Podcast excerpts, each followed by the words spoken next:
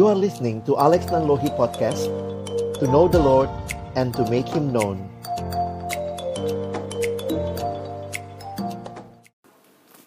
Mari kita berdoa sebelum kita membaca merenungkan firman Tuhan. Bapa di dalam surga, kami datang dalam ucapan syukur kepadamu. Terima kasih banyak buat kesempatan yang Tuhan berikan untuk kami bersekutu, memuji, memuliakan namamu. Dan tiba waktunya untuk kami membuka firman-Mu ya Tuhan. Kami mohon ketika kami membuka firman-Mu, bukalah juga hati kami. Jadikanlah hati kami seperti tanah yang baik, supaya ketika benih firman-Mu ditaburkan boleh sungguh-sungguh berakar, bertumbuh, dan juga berbuah nyata di dalam hidup kami. Berkati hambamu yang menyampaikan, semua kami yang mendengar, Tuhan tolonglah kami semua. Agar kami bukan hanya jadi pendengar-pendengar firman yang setia, tapi mampukan dengan kuasa pertolongan dari rohmu yang kudus. Kami dimampukan menjadi pelaku-pelaku firman-Mu. Di dalam kehidupan kami, di dalam masa muda kami. Bersabdalah ya Tuhan, kami anak-anakmu sedia mendengarnya. Dalam satu nama yang kudus, nama yang berkuasa, nama Tuhan kami Yesus Kristus. Kami menyerahkan pemberitaan firman-Mu. Amin. Shalom, selamat sore teman-teman, rekan-rekan kaum muda di mana pun kalian saat ini berada. Ini senang sekali kalau hari ini boleh ketemu dengan teman-teman sekalian. Ini namanya berzumpa ya, karena kita lewat Zoom ya. Jadi kesempatan menikmati persekutuan secara virtual pun Tuhan berkarya dan Tuhan tidak meninggalkan kita. Nah, teman-teman, saya coba siapkan satu presentasi juga buat kita sore hari ini dengan tema yang diberikan kepada kita tentang detachment, ya. Nah, ini memang masih suasananya COVID ya. Kadang-kadang dulunya ini jadi satu hal yang hanya masalah kesehatan, teman-teman ya. Tapi lihat, sekarang sudah menjadi masalah bahkan masalah pendidikan. Kita harus studinya online ini jadi masalah pekerjaan ya yang kerja juga harus online gitu ya dan bahkan ini masalah spiritual teman-teman ya karena kita ibadahnya pun online ya Oke, sore hari ini Bang Alex ingin ajak teman-teman untuk merenungkan firman Tuhan. Tapi sebelumnya, tadi uh, di awal kita sudah tanya-tanya kabar ya. Tapi saya pengen nanya lagi dong buat teman-teman sekalian. Apa kabarmu hari ini? Ya, jadi nanti teman-teman tolong jawab di kolom chat, tapi jawabnya gini. Perhatikan di layar ya. Saya minta kalian memilih gambar mana yang paling mewakili kondisimu hari ini, ya. Pilih satu nomor aja. Jadi, apa kabarmu hari ini? Silakan teman-teman boleh memberikan jawaban dengan nomor yang kamu rasa ini paling menggambarkan situasi saya nih ya. Kita nggak saling menghakimi, kita ya saling share aja ya. Thank you, Janet nomor 6 katanya ya. Oke, silakan. Axel 14, silakan teman-teman. Ada yang mungkin berasa, wah 7, 21, 10 gitu ya. Ada yang 5 nggak nih? Masih mager banget gitu ya. But thank you teman-teman ya. Silakan yang mau sharing apa kabarmu? Ya, paling tidak kita saling tahu dan mungkin juga saling menyemangati ya karena mungkin tidak semuanya juga sedang semangat hari ini. Tapi mari kita sama-sama bersyukur bahwa Tuhan tetap memberikan kesempatan kita boleh bersekutu bersama. Nah, sore hari ini, thank you yang udah sharing ya. Kita coba move lagi. Saya ingin ajak kita berpikir ya, ini cuman jawablah di pikiranmu saja ya. Apa yang kira-kira muncul di pikiran saudara ketika mendengar istilah persekutuan atau komunitas? Atau bahasa Inggrisnya fellowship, ya. Apa yang terpikir, apa yang terbayangkan di dalam pikiranmu ya. Jadi silakan jawab saja di dalam pikiran teman-teman begitu ya. Saya nggak tahu ya, secara umum kalau kita lihat ada yang positif tapi mungkin juga kalau teman-teman tadi pakai istilah yang dipakai eh, orang-orang yang mungkin barisan sakit hati di dalam persekutuan, ada orang-orang yang pernah mengalami dikecewakan, maka mungkin istilah persekutuan atau komunitas bukan hal yang positif buat kalian. Begitu ya. Oke. Iya, itulah realita di mana kita hadir dalam persekutuan. Bahwa mungkin ada yang sangat benefited dari persekutuan, sangat menikmati, tapi juga mungkin ada yang bergumul ya dengan kehadiran komunitas. Nah, nanti kita akan coba lihat bagaimana firman Tuhan boleh menerangi pemikiran kita tentang hal ini. Tapi ada satu fakta yang menarik bahwa setiap bayi yang lahir ke dalam dunia pasti punya keluarga. Nggak ada bayi yang lahir ya, kecuali Adam sama Hawa begitu ya. Adam waktu lahir juga ya nggak dia diciptakan Tuhan gitu ya. Tapi kalau kita yang sudah lahir di bawah keturunan Adam dan Hawa, maka setiap bayi yang lahir pasti punya keluarga, punya ayah dan ibu. Maka hal yang sama di dalam kerohanian ketika Tuhan melahir barukan kita. Maka Tuhan juga memberikan kepada kita komunitas. Tuhan memberikan kepada kita God's family untuk kita nikmati. Sejak awal waktu kita melihat kejadian pasal yang kedua ya, di dalam bagian ini dikatakan Tuhan Allah berfirman, tidak baik kalau manusia itu seorang diri saja, aku akan menjadikan penolong baginya yang sepadan dengan dia. Jadi setelah Tuhan menciptakan hari yang pertama ya dikatakan semuanya baik, baik, baik sampai sungguh amat baik. Maka pertama kali di dalam Alkitab kita muncul kata tidak baik itu di dalam kejadian 2 ayat 18. Dan siapa yang mengatakan tidak baik? Adalah Allah sendiri. Allah yang adalah desainernya mengatakan tidak baik kalau manusia itu seorang diri. Jadi kalau teman-teman belajar bahwa manusia itu makhluk sosial, itu bukan melulu teori sosiologi. Tetapi ini sudah, kalau anak komputer bilangnya itu udah default settingnya Tuhan untuk manusia. Itu rancangan awal Allah. Bahwa tidak ada orang yang lahir dan kemudian tidak membutuhkan orang lain. Nggak ada kan bayi begitu lahir langsung bisa beli susu sendiri. Nggak ada ya. Nah ini menunjukkan kepada kita bahwa Allah menghendaki manusia hidup di dalam komunitas. Allah menghendaki manusia hidup di dalam kasih dan kasih yang terjadi satu sama lain menjadi saling mengasihi. Kalau kalian perhatikan di dalam Alkitab bahwa apa yang Tuhan rancangkan bagi kita. Kalau pendeta John Stott menyimpulkannya begini ya. Dia katakan sebagaimana ikan dibuat untuk air. Ikan tuh butuh banget air ya maka umat manusia dibuat untuk kasih, untuk mengasihi Allah dan mengasihi sesama kita. Ini rancangan indah Allah, desain awalnya Allah agar kita mengasihi Allah dan juga mengasihi sesama. Karena itu waktu Yesus ditanya juga ya, mana perintah yang paling utama Yesus katakan kasihilah Tuhan Allahmu dan kasihilah sesamamu manusia.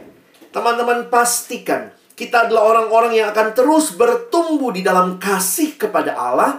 Nah, tapi sore hari ini uh, saya coba fokus kepada kasih kepada sesama. Kenapa? Karena kalau kasih kepada Allah itu ya kita sudah banyak dengar begitu ya. Tetapi bagaimana kasih di antara sesama?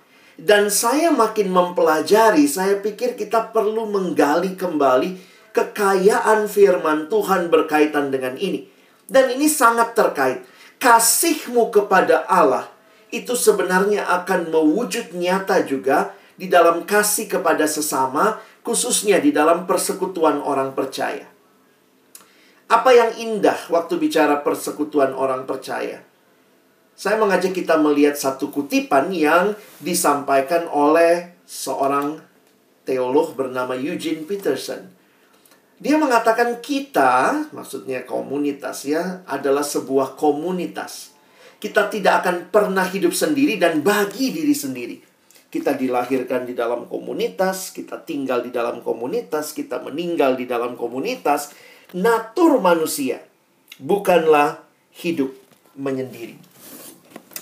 Jadi teman-teman, udah rancangan Allah seperti itu, Apalagi rancangan itu Tuhan berikan di dalam komunitas ada banyak benefit yang Tuhan mau berikan buat kamu dan saya.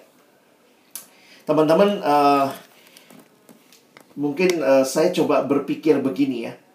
kadang-kadang Tuhan tuh sudah kasih sama kita, tapi kitanya nggak yang nggak make. Kira-kira begitu kali ya. Contoh, Tuhan kasih Alkitab. Kita nggak make Alkitab atau dipakainya salah. Satu waktu anak remaja dulu di gereja saya tiba-tiba datang bilang begini, Kak Alex, Kak Alex, saya udah nggak takut tidur sendiri. Hah? Kenapa nggak takut? Oh, saya taruh Alkitab di samping saya, begitu ya. Saya bilang maksudnya apa? Ya, kalau ada setan, wah, ya dia kasih Alkitabnya seperti itu. Nah, teman-teman, waktu saya menyadari kalimat dia seperti itu, poinnya adalah dia punya Alkitabnya. Tapi salah pakai. Gitu kali ya. Jadi kalau ditanya, dia dapat berkat nggak melalui salah pakai itu? Ya enggak lah ya. Dia akan mendapatkan berkat yang maksimal ketika apa yang Tuhan berikan itu dia pakai dengan tepat. Iya dong. Kalau kita bicara firman, ya harusnya dibaca. Kadang-kadang orang Kristen senang sama fisik Alkitabnya. Wah, kalau ada Alkitab di sampingku, Kak, saya udah nggak takut tidur sendiri. Nanti kalau ada setan begini, wah. Bukan itu yang penting ya, bahwa kita melawan si iblis dengan iman. Dan iman itu timbul, tumbuh dari pembacaan akan firman Tuhan. Nah, itu yang Alkitab sampaikan. Jadi bukan fisiknya. Kita kebanyakan nonton film Hollywood sih ya. Lawan Dracula pakai salib. Wah, gitu ya tapi kalau tidak benar-benar menikmati iman yang kuat, wah, nggak demikian. Nah, pertanyaan saya kadang begini ya. Tuhan kasih sama kita persekutuan. Ingat teman-teman ya. Yang punya inisiatif awal tuh Tuhan. Nah, kalau kita ngerasa detach, kok saya nggak belong to gitu ya. Atau kita tidak berjuang untuk belong to the community, somehow we're missing something. Oke? Okay? Jadi saya cuma mau ingatkan prinsip tadi ya. Jangan salahkan Tuhan. Tuhan sih nggak ngasih komunitas. Tuhan bilang saya udah kasih. Sekarang how will you make benefit out of it? Bagaimana engkau menggunakan atau memaksimalkan, memanfaatkan, berjuang di dalam komunitas untuk kamu dapat manfaatnya. Kamu dapat keindahannya. Wah, banyak sekali tulisan-tulisan tentang community yang belakangan ini juga muncul di tengah-tengah situasi yang kayaknya manusia makin individual, makin nggak peduli sesama, kita kayak didorong. Karena apa? Sebenarnya ini adalah heritage-nya gereja. Apa sih gereja itu? Persekutuan orang percaya. Jadi, kalau seandainya kita mengaku gereja tapi nggak suka bersekutu, itu kan nggak klop ya Wah, saya gereja nih, tapi nggak mau bersekutu. Wah, itu kontradiksi in terms ya. Nah, karena itu saya mengutip kalimat Timothy Keller ya. Waktu dia berbicara komunitas, perhatikan apa yang Tuhan karyakan, apa yang Tuhan lakukan melalui komunitas. Dia mengatakan begini, kita itu tidak dapat mengenal Allah terpisah dari komunitas. Wow, karena Tuhan berbicara kepada kita dalam bahasa komunitas. Saudara seiman dibilangnya brothers and sisters gitu kan, saudara. Kita tidak dapat mengalami perubahan yang dalam terpisah dari komunitas. Wah, ini kalau dikaji juga bisa bisa dalam begitu ya. Jadi kalau kita bilang ada yang uh, merasa dia bertumbuh tapi terpisah dari komunitas, somehow kita bisa mempertanyakan benar nggak dia mengalami perubahan yang dalam. Yang ketiga, kita tidak dapat memenangkan dunia ini tanpa komunitas. Kalau orang Kristen dikasih misi oleh Tuhan, pergi jadikan semua bangsa muridku. Saya makin sadar ya, banyak ya waktu waktu baca ayat-ayat Alkitab ya, belakangan makin sadar gitu ya, pentingnya komunitas. Pentingnya attachment yang benar ya. Teman-teman, Waktu saya misalnya membaca ya, kamu adalah garam dunia. Menarik ya, Tuhan yang nggak bilang kau atau engkau yang singular. Tetapi kamu adalah garam dunia. Kamu adalah terang dunia. It's about community. It's not only about one single person. Jadi, kalau kita mau bersaksi jadi berkat, tapi kita nggak mau bersekutu, balik lagi pertanyaannya apa sih yang sedang kita lakukan begitu ya. Nah, karena itu, ya, bagaimana cara pakainya? Nah, ini kira-kira saya mau ajak kita melihat sebenarnya apa sih nasihat-nasihat yang Alkitab berikan. Nah, kali ini saya pilih dari dua ayat saja di dalam Ibrani 10 ayat 24 dan 25. Perhatikan teman-teman ya. Jadi begini, kamu punya persekutuan, kamu ada dalam persekutuan, tapi coba praktekkan ini. Dengar kalimat Kalex ya.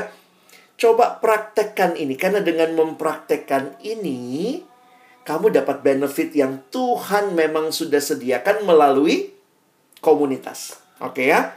Yuk kita lihat ayatnya. Dan marilah kita saling memperhatikan supaya kita saling mendorong dalam kasih dan dalam pekerjaan baik.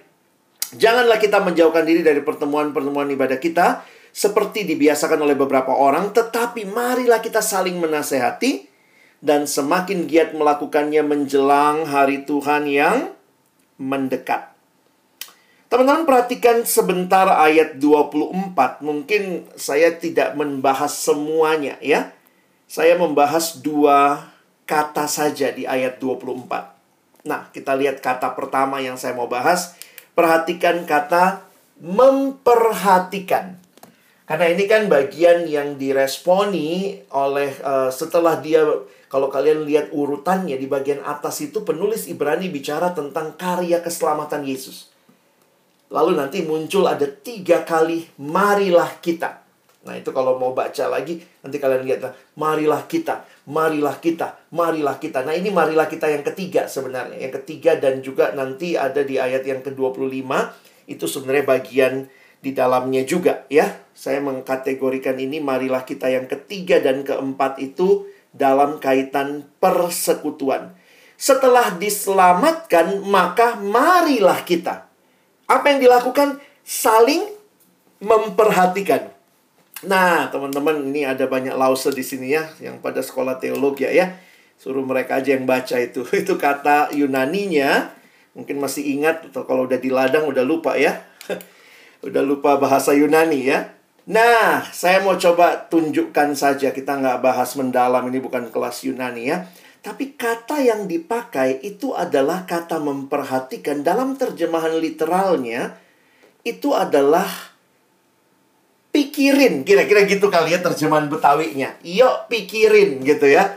Nah, kadang-kadang waktu memperhatikan itu cuman sekedar oh saya perhatiin gigs kemarin ulang tahun gitu ya. Oh saya perhatiin mungkin ada siapa lagi yang saya kenal gitu. Janet apa gitu ya. Saya perhatiin. Memperhatikan bagi kita hanya about something we observe with our eyes. Saya memperhatikan.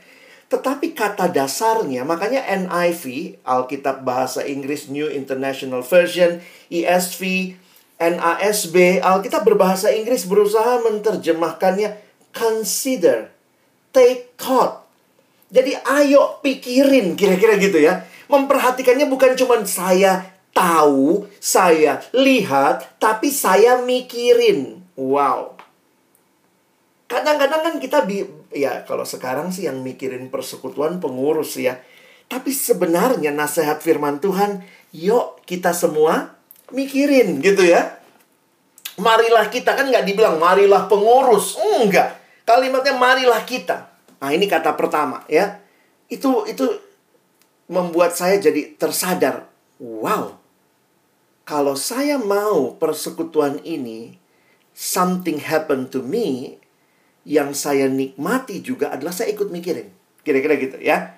Nah, yang kedua, kata kedua, oh ini kalau bahasa Yunani ini present subject uh, aktif ya. Oke. Nah, yang kedua, kata mendorong. Marilah kita saling memperhatikan tadi, lalu kata kedua, saling mendorong. Apa sih yang menarik dari kata saling mendorong? Kita lihat lagi terjemahan Yunaninya dan literalnya ya. Karena memang saya bukan katakan bahasa Indonesia kurang tepat menerjemahkan, tetapi saya melihat kalau kita membandingkan, kita mendapat makna yang lebih penuh dari istilah itu. Kalau teman-teman perhatikan, istilah yang dipakai adalah paroxysmon ini adalah uh, mendorong itu bukan cuman mendorong saja, tetapi ESV pakai istilah stir up. Teman-teman tahu stir up? To stimulate. Nah, stir up itu misalnya begini, kita minum teh. kita masukin gula, lalu kita stir. Kita ngaduk sebenarnya ya. Jadi stir up itu adalah upaya yang dilakukan untuk mempercepat reaksi supaya gulanya cepat larut, I stir up. Jadi memang menarik ya, bukan cuma mendorong lalu kemudian apa yang terjadi terserah, tetapi bahkan melakukan berbagai cara supaya lebih cepat mendapatkan reaksi akhir. Kira-kira begitu. Jadi, teman-teman karena itu kalau lihat bahasa Inggris, saya kutip ESV ya. ESV menerjemahkan dua istilah tadi. And let us consider. Yuk kita mikirin how to stir up. Jadi, ini let us bukan cuman tugas pengurus, tapi juga bagian kita. Kadang-kadang kita mikir, wah gue mah jemaat biasa kak. Tapi this is also your part gitu ya Di sinilah kita melihat, makanya kalau lihat terjemahan bahasa Indonesia, saya senang dengan terjemahan bahasa Indonesia yang uh, ada yang baru namanya TSI ya. TSI itu kan kalau yang kita punya itu TB ya, terjemahan baru pakai istilah saling memperhatikan, saling mendorong. Jadi berarti bukan cuma satu ya. Karena ada kata saling, saling gitu ya, berarti dua belah pihak. Lalu dia diterjemahkan dalam TSI, perhatikan. Oleh karena itu, marilah kita semua berpikir dan bagaimana kita bisa saling mendorong. Nah, istilah keduanya dia tetap pakai mendorong ya. Karena saya pikir tidak ada cara lain menikmati indahnya persekutuan kalau kita tidak ikut mikirin dan tidak ikut mempercepat perubahan yang terjadi. Teman-teman ada orang sakit kepala, pergi beli obat sakit kepala, anggaplah dengan merek apalah. Panadol misalnya begitu ya. Lalu kemudian apa yang dia lakukan? Dia taruh obatnya di bawah bantal. Kenapa? Kan kepalanya sakit. Dia tidur di bantal, bantalnya di bawahnya ditaruh ditaruh obat sakit kepala. Apakah obat itu akan benefited, akan berguna buat dia? Enggak. Salah pakai Beli obatnya tapi nggak tahu makainya. Datang persekutuannya tapi nggak tahu bagaimana persekutuan bekerja. Somehow juga jadi sesuatu yang kita jadi seperti ya udah datang aja kenapa ya I'm observer I'm just someone ya saya hanya observe begitu ya saya hanya lihat-lihat lah kalau nggak suka ya saya keluar begitu ya tapi kalau kita mengerti dalam Alkitab persekutuan itu itu saling apa ya istilah ketersalingan. Nanti kalau teman-teman tertarik pelajari ya. Di Alkitab tuh kata saling itu munculnya berapa kali, khususnya perjanjian baru. Lalu banyak lagi kata bahasa Inggris pakai istilah one another. Nah, ini contoh yang Kalex bisa coba cari gitu ya dan saya uh, dalam slide ini pernah saya siapkan ya. Nah, ini kata-kata itu tuh banyak tuh one another ya saling mengaku dosa, saling mendoakan, saling melayani. Jadi persekutuan itu nggak pernah bergerak sendiri. Ngaku dosanya sama tembok. Enggak gitu ya. Kita nggak datang ke tembok ratapan. Gereja itu kita mengaku dosa, saling mengaku dosa. Saling mendoakan, saling melayani, saling mengasihi. Dan indah sekali ketika ketersalingan ini terjadi karena di situ Tuhan berikan berkatnya. Di situ Tuhan provide buat kita apa yang dia rindukan buat kita. Kurang banyak. Nah, teman-teman ya, silakan nanti saya tambahin lagi. Silakan di screenshot lalu baca tuh ayat-ayatnya. This is how church should be. Inilah gereja. Gereja itu adalah kumpulan orang percaya. Karena itu di dalam ayat yang ke-25 sampai diingatkan ya, dan janganlah kita menjauhkan diri dari pertemuan-pertemuan ibadah kita seperti dibiasakan oleh beberapa orang. Dari dulu banyak yang males ya. Ada juga yang dari dulu udah males datang ya. Seperti dibiasakan oleh beberapa orang. Tetapi marilah kita. Nah ini muncul lagi kalau mau dipretelin bahasanya tuh indah ya. Menasehati semakin giat melakukannya menjelang hari Tuhan yang mendekat. Teman-teman inilah yang Tuhan sediakan buat kita You want to grow? You want to feel something that will help you. Kadang waktu kita bilang Tuhan, aduh aku nih rasanya gimana banget. Tuhan bilang jawabannya tuh di dalam persekutuan Tuhan sediakan. Tuhan berikan itu, saudara seiman, sahabat-sahabat rohani, dan karena itu ini bukan tugas pengurus aja teman-teman ya. Ini bukan cuma tugasnya pengurus, bukan tugasnya sekelompok orang hamba Tuhan, tetapi ini tugas semua jemaat. Karena waktu saya lihat kitab Ibrani tidak ditulis di awal kepada hanya para pendeta, hanya para majelis, hanya para aktivis. No, tetapi marilah kita, berarti engkau dan saya, apa pun posisi kita di dalam persekutuan. Nah, mungkin bagian akhir saya ingin soroti sedikit tentang persahabatan karena tadi saya melihat juga keindahan persahabatan kita rindukan ya. Di dalam persekutuan seperti ini Tuhan karuniakan persahabatan ya. Nah, pertanyaannya what type of friendship you are you in? Katanya ada teman yang model gini ya, friend for a reason. Ada lagi friend for a season. ada lagi friend for lifetime. Nah, teman-teman yang mana ya? Dan saya pikir di dalam persekutuan ini, as we grow together, kiranya kita juga jadi sahabat to one another. Alkitab mengingatkan kita ya, bahwa seorang sahabat menaruh kasih setiap waktu dan menjadi seorang saudara dalam kesukaran. Ada definisi sahabat yang saya suka, menuliskan sahabat adalah orang yang mengetahui hal yang paling buruk tentang dirimu, namun masih tetap mengasihi engkau sebagaimana adanya. Dan kenapa kita mungkin bersahabat? Teman-teman ingat ya, kalau kita di dalam Tuhan, kita mungkin bersahabat dalam situasi yang seperti ini.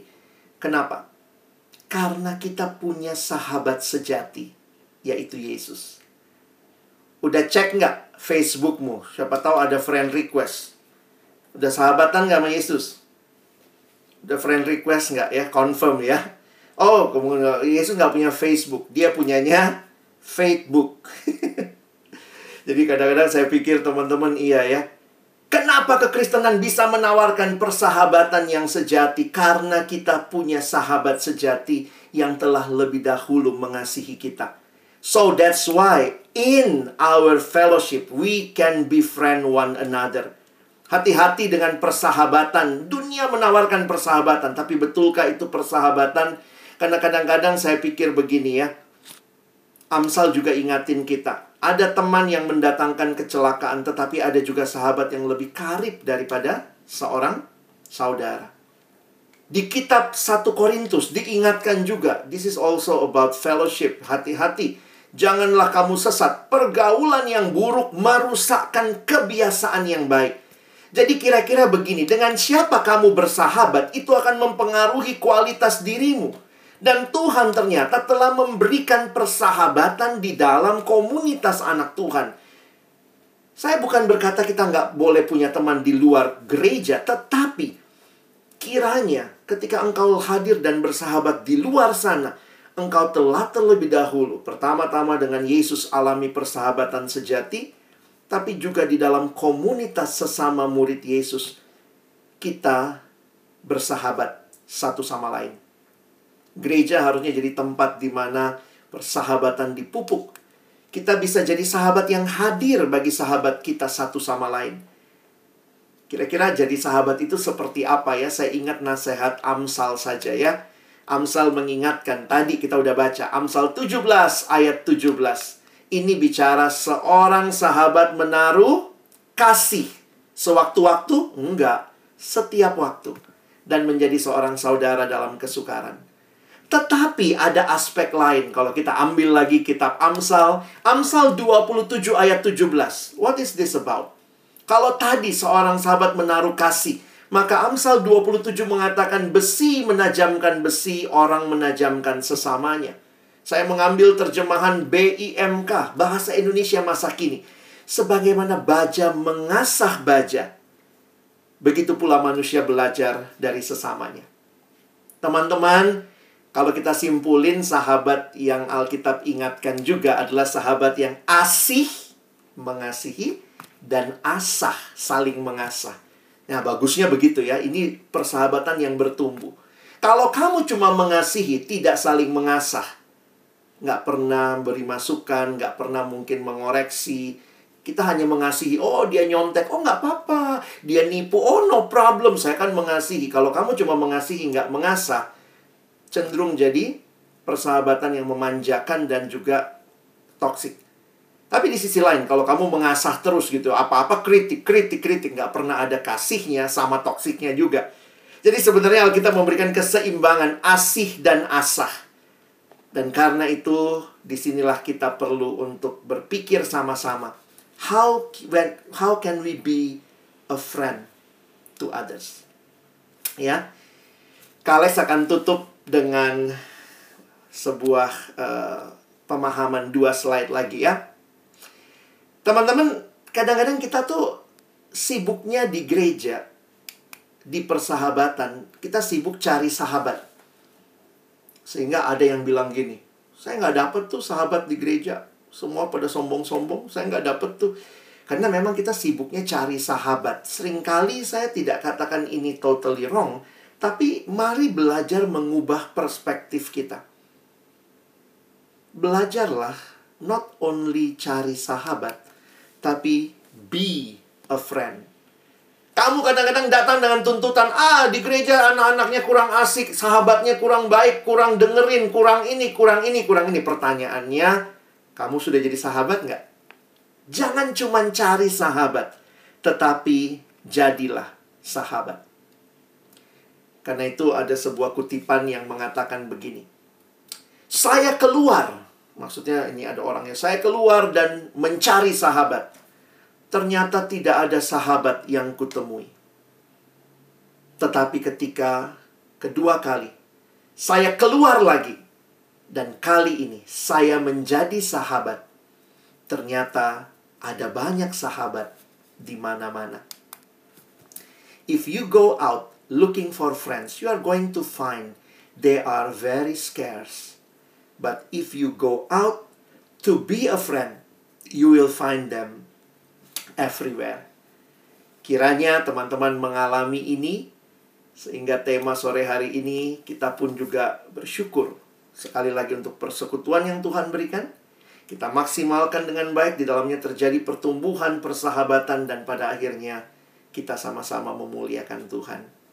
Kiranya kita boleh menjadi orang-orang yang bukan cuma dengar firman, tapi belajar mempraktekkannya. Amin. Mari berdoa.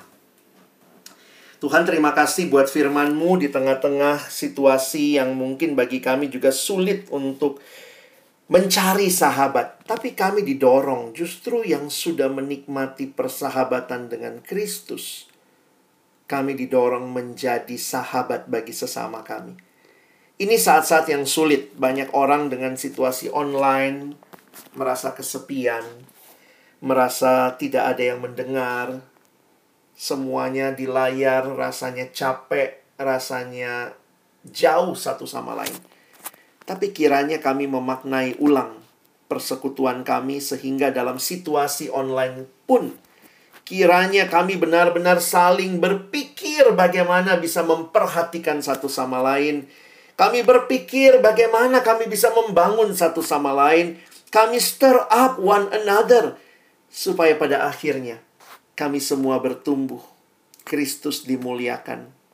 Berkati setiap persekutuan kami baik itu komisi remaja, komisi pemuda yang ada di gereja kami masing-masing, tolong kami hadir ikut memikirkan, ikut berkontribusi, berpartisipasi untuk membangun satu sama lain dan Tuhan dimuliakan. Sekali lagi terima kasih untuk firman-Mu. Ini hanya pengantar untuk kami berpikir lebih jauh supaya akhirnya persekutuan kami benar-benar semakin kami bertumbuh mengenal Tuhan dan semakin mengasihi satu sama lain. Kami bersyukur. Tolong kami bukan cuma jadi pendengar, tapi jadi pelaku-pelaku firman-Mu. Dalam nama Yesus kami berdoa. Kami bersyukur. Amin.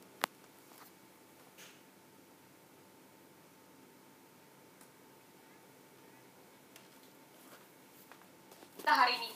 Terima kasih kepada Pendeta Alex yang sudah membagikan kebenaran firman Tuhan pada kami semua.